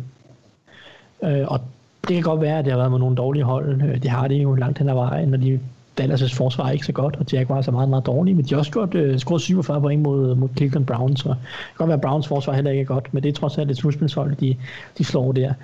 Øh, og og det, jeg synes, der er lidt mere pep i det her angreb nu. Der er lidt mere øh, optimisme i det. Jeg synes, de har fået gjort nogle ting i løbeangrebet, som gør det, øh, som er lidt nye. Så de har, altså, de har netop fundet en, en løsning, synes jeg, øh, i hvert fald en midlertidig løsning på at, at, at forbedre deres løbeangreb igen. Øh, der er også tegn på, synes jeg, at Lamar han ser lidt mere komfortabel ud med at kaste bolden. Øh, de kan stadig godt blive bedre til det, uden tvivl. Øh, og jeg ved så ikke, hvor meget bedre de når at blive i denne her sæson, men jeg synes, der er tegn, rigtig mange tegn, på at angrebet går i den rigtige retning igen. Mark Andrews bliver lidt mere involveret. Løbespillet, som sagt, øh, har de fået lavet nogle justeringer. Måske er de også ved at finde sig til rette med den her offensive linje, som lige pludselig på et tidspunkt blev, blev ramt rigtig meget af skader, og måske er de ved at finde ud af, hvordan den skal sammensættes og fungere. Øhm, så jeg synes jo, det er interessant at se, om Ravens virkelig, altså, hvor godt er det her angreb? Er vi tilbage? Er vi på vej tilbage til, at det her det er et godt angreb, altså et rigtig godt angreb igen? Fordi så er Ravens et pisse nederen hold at få med i slutspillet. Øh, og, Ah, det kommer vist an på synspunkt, synsvinkel. Ja, jeg synes, at Ravens vil være et super nederen hold at få med slutspillet, hvis de, hvis de er så gode, som de var. De er nok ikke så gode som sidste år, men hvis de begynder at nærme sig noget af det, som de også var sidste år offensivt. Og der synes jeg, at den her uges kamp mod New York Giants er en rigtig god test for det.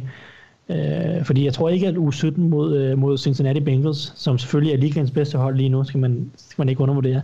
Øh, øh, jeg er ikke sikker på, at det bliver den bedste test af Ravens. Men jeg synes, det bliver en fin test den her uge mod det her Giants forsvar, som, som stadig er ret solidt, selvom Giants har tabt nogle kampe nu. Ja. Øh, det, fordi de kan både stoppe løbet Giants med nogle fine defensive linjefolk, de har så op foran, og de kan også samtidig lukke ned for kastet. Så hvis Ravens og company og Lamar her går ud og smider 40 point eller, eller 35 point på tavlen mod Giants, så begynder jeg at ryste bukserne, hvis jeg er de øh, seks andre slutspilshold i AFC. Øh, Nu er det sådan set ikke sikkert, at, at Ravens kommer med i slutspillet, selv hvis de vinder de to sidste kampe, men, men må ikke. Øh, Men så begynder jeg Ja. at ryste i bukserne, fordi så Ja. er det her Ravens hold et, et rigtig farligt hold at få med i slutspillet. Ja. Men, men hvis Giants viser, at jeg stadig er lidt begrænset, så er jeg lidt mere tryg. Lad os høre, hvad du gør. altså- Undskyld, hvad siger du, Anders? Nå, men det var bare, i, i forhold til Giants, der er det også, altså James Bradbury, der blev sat på covid-listen, han er en close contact, øh, så der er også chance for, at han kommer tilbage. Det gør bare matchuppet endnu mere spændende. Mm. Og så for at, at lige bare uddybe en lille bitte smule, hvad det han siger, du kan se, du har kunne se på Lamar siden, siden han kom tilbage i, i Dallas-kampen, han, han virker anderledes indstillet. Altså, Ja. man, man ser lidt den der glæde, han viste sidste år, hvor at, at der var overskud, og han smiler på, på banen. Der, der er ikke den samme frustration. Det er selvfølgelig også gået den rigtige vej, men det har man ikke set tidligere i år. Og det er super opmuntrende for mit vedkommende selvfølgelig. Ja. Hvad vil du gerne have svar på i den her runde? Jeg vil gerne have svar på, om uh, Kyler Murray han er tilbage på sporet efter, efter en lille down-periode. Øhm, for han ser ud til at være sin skade sådan nogenlunde kvidt, og mod Giants, der løb han bolden en del. Mod Eagles, der kastede han bolden rigtig fint. Men jeg mangler endnu en solid indsats for ligesom at tro på, at Cardinals kan holde resten af NFC-bejlerne fra playoffs, og måske endda være en sæsonudlægger i playoffs, hvis det kommer dertil. Fordi hvis Kyler, med Kyler i topform, så kan de virkelig pisse på rigtig mange hold sukkermad.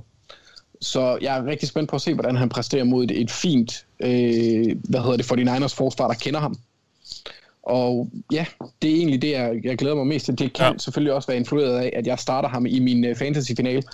Øhm, så, så jeg håber virkelig, at han har fundet Ja, tilbage ja. på sporet. Øhm, og så er det fordi, at det er en, ja, det er bare en spiller, der er virkelig sjov at følge. Så, altså, kommer han i, i slutspillet, så tilføjer han det et, et, et element, som de andre hold ikke har på, i, på NFC-delen. Og, og ja, det, det kunne bare være en, altså en af de der mere dark side ture kan ske, fordi forsvaret også er begyndt at spille lidt bedre. Mm. Ja. Jamen, så er vi nået til dertil, hvor vi skal have sat vores picks, og, øh, og så alligevel ikke, fordi vi skal jo lige have givet et skud ud til dem, der var bedst i Dogligaen i sidste uge, og det var Jan Frem. Og øh, der er noget med ind på picks.dk, der, der er lige en, øh, den der Raiders-Chargers kamp, den skal lige opdateres, så der kan være noget med nogle point, men Jan han rammer i hvert fald 13, øh, og ligger øverst for runden, øh, inden pointene for, for, for den der Chargers Raiders kamp er uddelt, så det kan selvfølgelig godt være, den ændrer sig, men om, øh, om alting er, så ligger Jan i hvert fald øverst. Øh, og Andreas Kjærsgaard Nørlø, han fører stadig. Han er altså godt på vej mod øh, den, den samlede sejr, men, men øh, forspring er alligevel ikke kæmpestort, så, så Andreas skal stadigvæk holde, holde, øh, holde den kørende, og øh, de nærmer sig måske også lidt bagfra. Men øh, han fører altså igen igen, Andreas. Vi ramte 11 ud af 16 i sidste uge, så det er jo ganske godkendt. Det er 69 procent. Og øh, jeg er jo sikker på, at vi vil få vores tredje uge i træk med, eller fjerde uge i træk, med, øh, hvor vi ramte 12, men øh, sådan skulle det altså ikke gå, fordi Steelers, de valgte at tabe. Det, Vi er så dårlige til, Rigtig at- dårligt til hold. at vælge Bengals, Mathias. Altså, Ja, slet og, ikke finde og ud af det kan vi også lige tage, fordi øh, Bengals er det hold, vi er dårligst til at ramme på i år. Mm. Øhm, tre andre hold rammer vi kun halvdelen på. Det er Bears, som vi ikke har valgt i, i år endnu, så dem har vi kun øh, om rigtigt på syv gange, fordi de har vundet syv kampe og tabt syv kampe. Øh, og så er der Fort Niners og Rams, som vi også kun har ramt øh, på halvdelen af deres kampe. Og for det skal løgn, så... på Rams. Wow. Ja, og vi er faktisk også rigtig dårlige på Cardinals, så NFC West har vi generelt rimelig svært ved. Øhm, Det er også en svær division. Ja, men det er det. Men ellers øh, er langt de fleste hold i grøn, det vil sige, at vi rammer over, på over to tredjedel af deres kampe, så det er jo ganske godt, og vi ligger også stadigvæk for, på 70% for sæsonen. Og jeg sad lige og kiggede på, øh, jeg, jeg går meget op i det her, det, det indrømmer jeg gerne, fordi jeg synes, det, det er lidt øh, sjovt at, at følge med i. Øh, vi skal bare ramme rigtigt på halvdelen af de resterende kampe, inklusive slutspil og Super Bowl, så, så når vi vores mål på 66%. Så det... Øh, Har, har du set kampprogrammet den her uge, Mathias? Det går ikke godt. Nej, Det går ikke altså, så, så, så kan det være, at vi taber lidt der, men så kan vi så måske indhente det senere. Um, lad os se, hvor vi ender. Vi starter med øh, den... Und- Undskyld, jeg har et Ja. spørgsmål. Ja, fyr den. Øh, er det rigtigt forstået, at vi nu ikke længere har et hold, vi er 100% på? Det er korrekt. Vi, øh, vi var 100% på Jets, som vi heller ikke har valgt endnu, men eftersom de også har tabt alle deres kampe, så har vi jo ramt rigtigt på alle deres kampe. Men øh, sådan er det jo så ikke længere. Vi er 13 og 1 nu på Jets. Okay, tak. Ja. Så øh, der er øh, ingen perfekte hold for os i år indtil videre. Nå, vi starter med en kamp, der bliver spillet fredag aften. Ja, det er jo øh, højtid, så kampene ligger jo lidt mere spredt, og vi starter altså med øh, Saints mod... Nej. Og øh, Anders, hvem tror du på der? Jeg synes, jeg synes det, altså, den er svær. Den er virkelig svær. Ja, Drew Brees kom øh, tilbage og, og, og så meget rusten ud til at starte med, men, men så gjorde det jo alligevel til en, øh, en tæt kamp mod Chiefs. Ja, han sluttede 15 for 34. Det er spark med ikke typisk Drew Brees. Nej. Øhm, jeg går, selvom Saints de sådan historisk har haft lidt en, en, en jamen, kan man sige, Vikings har været lidt deres akilleshæl, så, så bliver jeg nødt til at tro på, at de vinder den her, fordi de har det bedre hold, og det bedre forsvar. Ja. Thijs? Ja, jeg er enig. Jeg tror, at den defensive linje for Saints bliver øh, afgørende her. Jeg er alvorligt nervøs for Cousins i den lomme. Mm. Ja, godt. Så er vi nået til øh, Lions Buccaneers. Det, jeg, jeg tager boks, den skal de vinde. Altså, de er jo også sådan, øh, nu kan jeg ikke huske, hvad standings er egentlig, for at være helt ærlig, men de skal, de skal have noget tur i den ind til playoffs. Du har boks. Thijs? Ja, det gør jeg også. Ja. Ja. Det her Lions forsvar er simpelthen for dårligt. Cardinals 49ers. To hold, vi er rigtig ringe på, så her skal I tænke jer godt om. Okay. Fordi min, min umiddelbare øh, tilgang, det er, skal jeg undgå at jinx Cardinals, eller skal jeg tage dem, for det er dem, jeg tror, der vinder. Jeg synes jo, vi har haft, og det viser tallene så også, lidt for stor tiltro til 49ers i år. Jamen, jeg, jeg vil også umiddelbart gerne tage Cardinals, men jeg vil... Jeg tager Cardinals. Det er også fordi, de har noget at spille for. Mm. Ja, vi har valgt dem otte Ja. gange i år indtil nu, tidligere, og øh, de har kun vundet tre gange. Vi har gjort det. 49ers. Cardinals øh, er vi lidt bedre på. Ja, jamen, jeg, jeg, jeg, jeg er enig med Anders, jeg bliver nødt til at gå med Cardinals her. Ja. Det er det bedste hold, og klart bedste quarterback, og er bedst kørende, og har noget at spille for. Det, Men, men hvad er det med 49ers? Fordi jeg rynkede også lidt på næsen, når vi tog dem i sidste uge. Øh, det virker som om, I har ret stor tiltro til, at Shanahan virkelig kan løfte et ellers ret dårligt roster. Ja, det må Anders svare for, den der. Jeg tog, jeg tog Cowboys. Åh oh, ja, okay. det, det var mere på baggrund af, at jeg tror, jeg havde meget lidt tiltro til Cowboys, men altså, hvem fanden kunne have gættet ud over Thijs, selvfølgelig, der ved alt, at de ville for anden uge i træk starte en kamp med at få set to turnovers og score 14 point. Mm. Ja. Altså, det, Ja. ja. altså det, det, det virkede langt mere overbevisende Cowboys-sejren, når du kigger på boxscoren, end var, når du ser kampen. ja, ja, de scorede også på det der, øh, hvad hedder det, øh, onside kick. Ja, Ja. ja, lige præcis, men også hvis du... I en verden, hvor 49ers har nogle spillere, der ikke fumbler bolden, og en quarterback, der ikke kaster interceptions i den grad, som Mullins han gør, så havde de vundet den her kamp. Ja, det er nok ikke noget. Nå, Det, det, det er også der, den ligger. Det ligger Ja. ja. i, at trænerstaben er så god, at den kan opveje for, at de er dårligere på talent. Mm.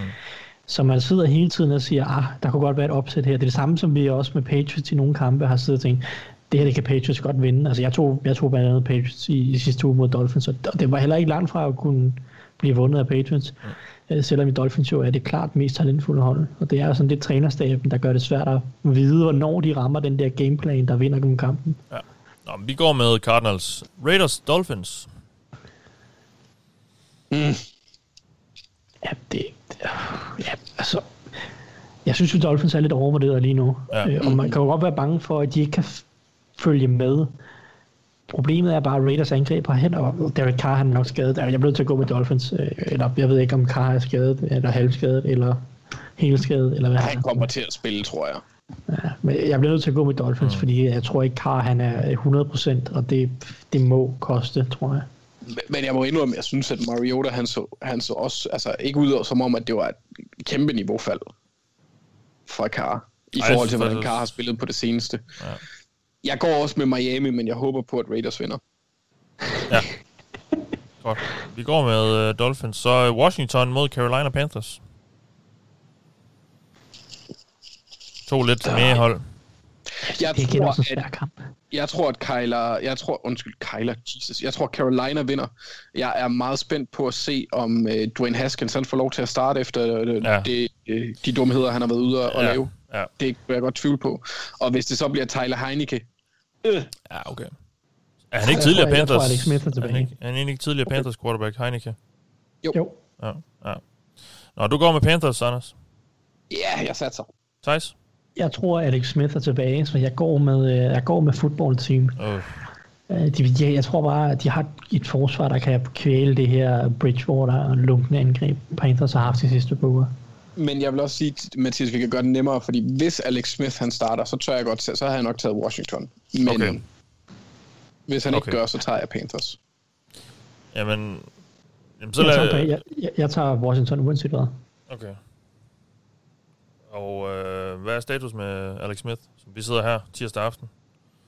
Det sidste, jeg har set, det var, at han, han er day to day, som de siger.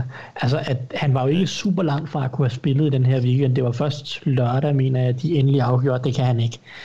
Øh, Så jeg tror, at han med en uge mere, øh, som jeg forstod det, så var- det ikke, at han har fået en lille, en lille stræk i lægen eller noget stil, ikke? Eller var det, var det ikke noget stil? Øh, jo, der, jo, det er noget lidt. Ja, Øh, så, så altså, jeg tror, han spiller umiddelbart. Okay. men ja, okay, så, ja, så tror jeg faktisk også, jeg går med Washington. Også, al, men primært på grund af forsvaret. Uh, så ja. det er dem, vi går med Washington. Uh, Steelers Coles. Jeg tror, Colts vinder. Ja, Jamen, altså, jeg kan ikke se, hvordan man kan tage andet lige nu. nej, det er det. Det, øh, det er altså, Det Steelers er simpelthen bare for dårlige. Har været det de sidste fire kampe. Så Så du går også med, med mindre, med mindre Philips albu, den, øh, den begynder at krampe, når det er koldt udenfor, så, øh, Ja. så tror jeg, altså... Det, det, Steelers har været... Nu, nu, nu er det tre kampe... Nej, hvad er det? To kampe i streg, de har tabt? Det er tre kampe i streg, de har tabt. Og så Og de var altså også dårlige mod Cowboys og Ravens inden da. Mm. Så det, altså, det er en lidt længere periode nu, hvor der har været problemer. Ja. Thijs, du går også med Colts, eller hvad? absolut. Ja, godt. Chiefs, Falcons. Chiefs. Yep. Ja. Jaguars, Bears. Skal vi, skal vi tage Bears for første gang? Det, det gør jeg i hvert fald. Det bliver Ja. ja. nødt til. Ja. Så, Jeg, jeg siger bare, Bears har ikke tabt endnu, mens jeg har valgt. Så altså, jeg fortsætter. og, og, og jeg går Jaguars med har ikke vundet 1. Hvad siger du? Jaguars har ikke vundet siden uge 1. Også korrekt. Vi skulle altså hen til uge 16. Før vi er tager for dårligt. Chicago det, Bears. det, må vi, det vil jeg gerne undskylde Ja, for. Nej, nej, det synes jeg ikke, du skal, Thijs. Det beviser bare, at vi er principfaste. Det, betyder, det viser bare, at vi er alt for stedige. ja, ja, ja, ja. Ja. Vi tager Chicago Bears for første gang i år. Houston Texans mod Bengals. Den 100% er, den er, det er en kamp om øh, det høje draftvalg. Den, der Ja, taber, vinder. Som Houston, som Houston ikke får noget ud af. Nå nej, sgu da. Nej, det er det rigtige. Jeg, jeg går Det med Deshaun. Watson. Du går med Deshaun Watson. Ja, Det bliver jeg nødt til. ja. Selvom Houston er, er så elendig ja. Det, på er i, alle andre områder. Det er i Houston, så derfor kan Bengals ikke vinde, fordi Zach Taylor kan ikke vinde på udebane. Det er også rigtigt, ja. Han har ikke gjort det endnu i hvert fald. Var det egentlig Bengals, der havde de ikke en tendens til at tabe i Houston i playoffs også? Eller er det mig, der husker det? Altså i Houston, eller bare generelt, for i, det er rigtigt begge ting. mod, Texans. Var det Ja. ikke sådan to gange, hvor de tabte Jo, jo. til to? Ja, jo. TJ. Yates. Ja, TJ Yates var der i hvert fald, ja. Det var, det var grimt. Uh, jeg går 100% med Texans. Ja. Bengals er et umanerligt dårligt hold, yep. som åbenbart stadig er bedre end mit hold. Ravens Giants. Jeg bliver nødt til at tro på, og det er ikke noget, jeg tror på, at Ravens vinder. De er i det formmæssigt bedste hold. Af du sådan en homer.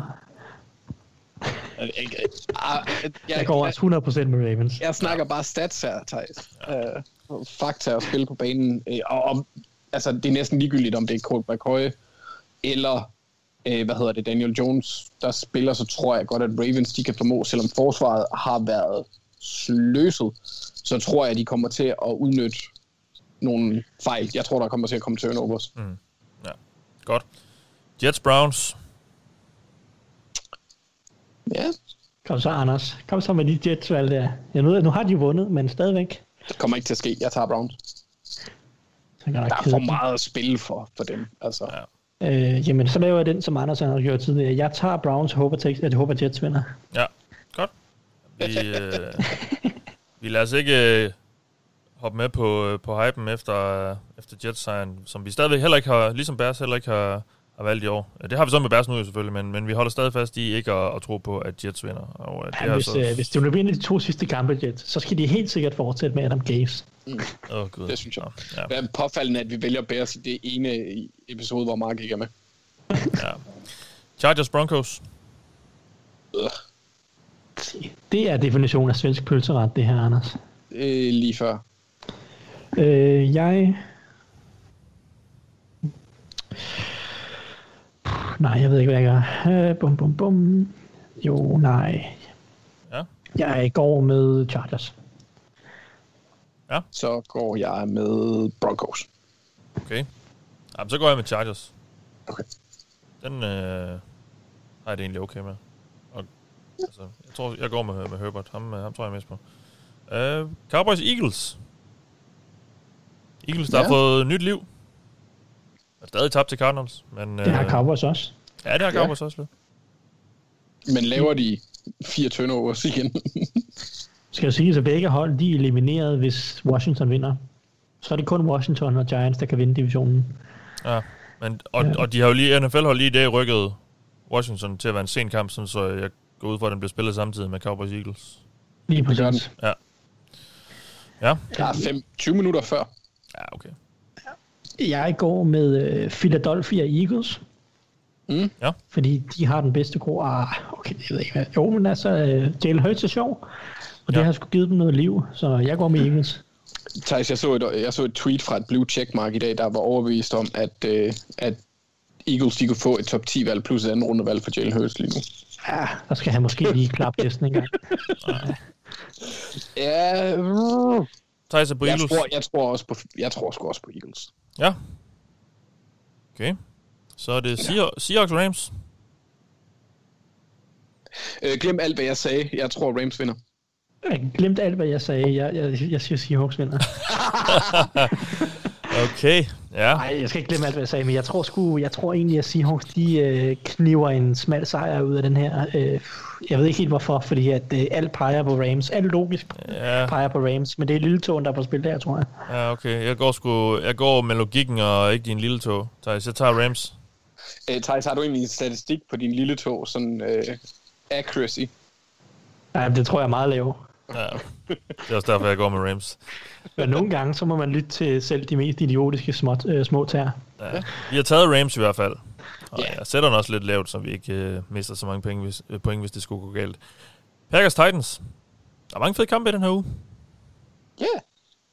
Jamen, det, jeg, jeg ser kæmpe 40% potentiale her, men øh, det er en anden ting. Ja. Øh, jeg går med... Det ved jeg ikke. Nå, jeg, jeg fik kolde fødder. Ja. Jeg, jeg, jeg, jeg, jeg, jeg går med, med Packers på grund af Aaron Rodgers og Devante Adams. Jeg tror, ja. De kan sætte flere point på, på tavlen. Ja, Thijs. Men ja, det er knækken for mit vedkommende. Åh, Silvana. Mm, så kan Øh. du jo tage Titans og sende den videre til Mathias. Er det mønten, Jamen, eller hvad, Thijs? Nej, det er, øh, det er... Nej, det er det ikke. Det er bare øh, god, god, godt gammeldags vælsind. Okay. Øhm, Om, er det mønten, der skal afgøre det?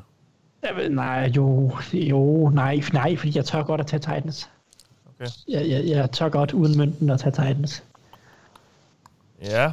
Okay. Der er bare et eller andet med, jeg, jeg stoler bare ikke på petten i de her typer, den her type kampe. Der, jeg skal se det, før jeg tror det. Jeg tror, det er det, der er Ja. problemet. Det er også ja, et godt løbeangreb mod et dårligt løbeforsvar. Det er sådan... Jeg ved godt, vi har vores betænkninger ved de der løbe, men, men når, når man kan gøre det så effektivt, som Titans kan, så er det sgu... Men er det, ikke, er det ikke sådan rimelig meget sådan på begge sider? Jo, det er Og hvis. Titans har bare et meget bedre løbeforsvar, end Packers har. Ikke meget bedre, men, men en del bedre. Øh, Titans har så også et dårligere kasteforsvar, uden tvivl. Ja, Det er selvfølgelig det, der er problemet. Altså, Rodgers skal vinde den her kamp på Packers, så det, er- det, er, der- det er meget muligt, at han gør det. Jamen, jeg, jeg, jeg synes også, den er, altså, den er meget tæt, fordi øh, Tannehill, han har jo også været, altså, de er jo på niveau næsten. Ja, altså... ved- Når, jeg, Yes. når, der er hold, når der er kampe, jeg er så meget i tvivl om, så plejer jeg, øh, så plejer jeg at kigge på, hvem, hvem, er, hvem har den bedste quarterback, og hvem er på hjemmebane. Og, og i begge tilfælde er det Packers, så jeg går med Packers. Øhm, selvom den, jeg tror sgu, det kan blive en, en tæt kamp. Øhm, Ja. Og jeg tror sagtens, Titans skal vinde, men jeg tror lidt mere på Packers. Nå. Patriots, Bills, sidste kamp. Nu skal jeg se, har Bills egentlig noget at spille for? Ja, de skal jo, de kan Der må vel være noget seedning set- eller eller Ja, andet. de kan faktisk godt få første seed. Nej, det kan de ikke. Kan Jo, teknisk set kan de godt, men nej, nej det er faktisk ikke rigtigt. Nej, det kan de ikke. At de har ikke tiebreaker mod Chiefs. Det er, Steelers kan stadig få første seed, men det er sådan noget med, at Steelers skal vinde ude, og Chiefs skal tabe resten af kampene, og så er der fem andre resultater, der skal gå Steelers' vej, for at strength of et eller andet. Men der kan øh, stadig være noget med nogle, de, de sekundære seedninger, der kan gøre, at de kan måske få en hjemmekamp eller to. Åh oh, ja, men, men Eller- uanset hvad, så bliver det jo nok second eller third seed, så det Ja. er sådan lidt, Ja. det, det, det er jo næppe det, der afgør. Ja, Ja, det, altså, uanset om de får anden eller tredje seed, så ender de jo nok ikke mod Chiefs i anden runde heller, vel? Så det er jo sådan Nej, lidt. nej. Anden Nej, seed, så gør de 100% ikke, og tredje seed, så gør de nok ikke. Altså, så skulle det være mest for at bølle Tredje Patriots seed, så gør de heller ikke. Ah, Altså motivationen. Jeg tror, jeg tror Bills vinder. Ja. det gør jeg også Ja. øh, i sidste ende. Men de har ikke super meget at spille for. Det har Patriots heller ikke. Andet end at de måske gerne vil sætte, sætte dem på plads, nu hvor de har taget divisionen også. Ja, Buffalo, at de vil bølle dem lidt. Ja, Ja. ja. Jamen det var sidste kamp, og øh, sidste program inden jul, men vi er tilbage efter jul, for der bliver også spillet lidt også op til nytår, og det skal vi selvfølgelig snakke om, ligesom vi også skal snakke om slutspillet, og alt det, der kommer efter det. Vi øh, bliver hængende i jeres øregange. Denne omgang har du lyttet til mig. Jeg hedder Mathias Sørensen, med mig har haft Anders Kaltoft og Thijs Oranger. God jul, og vi lyttes ved.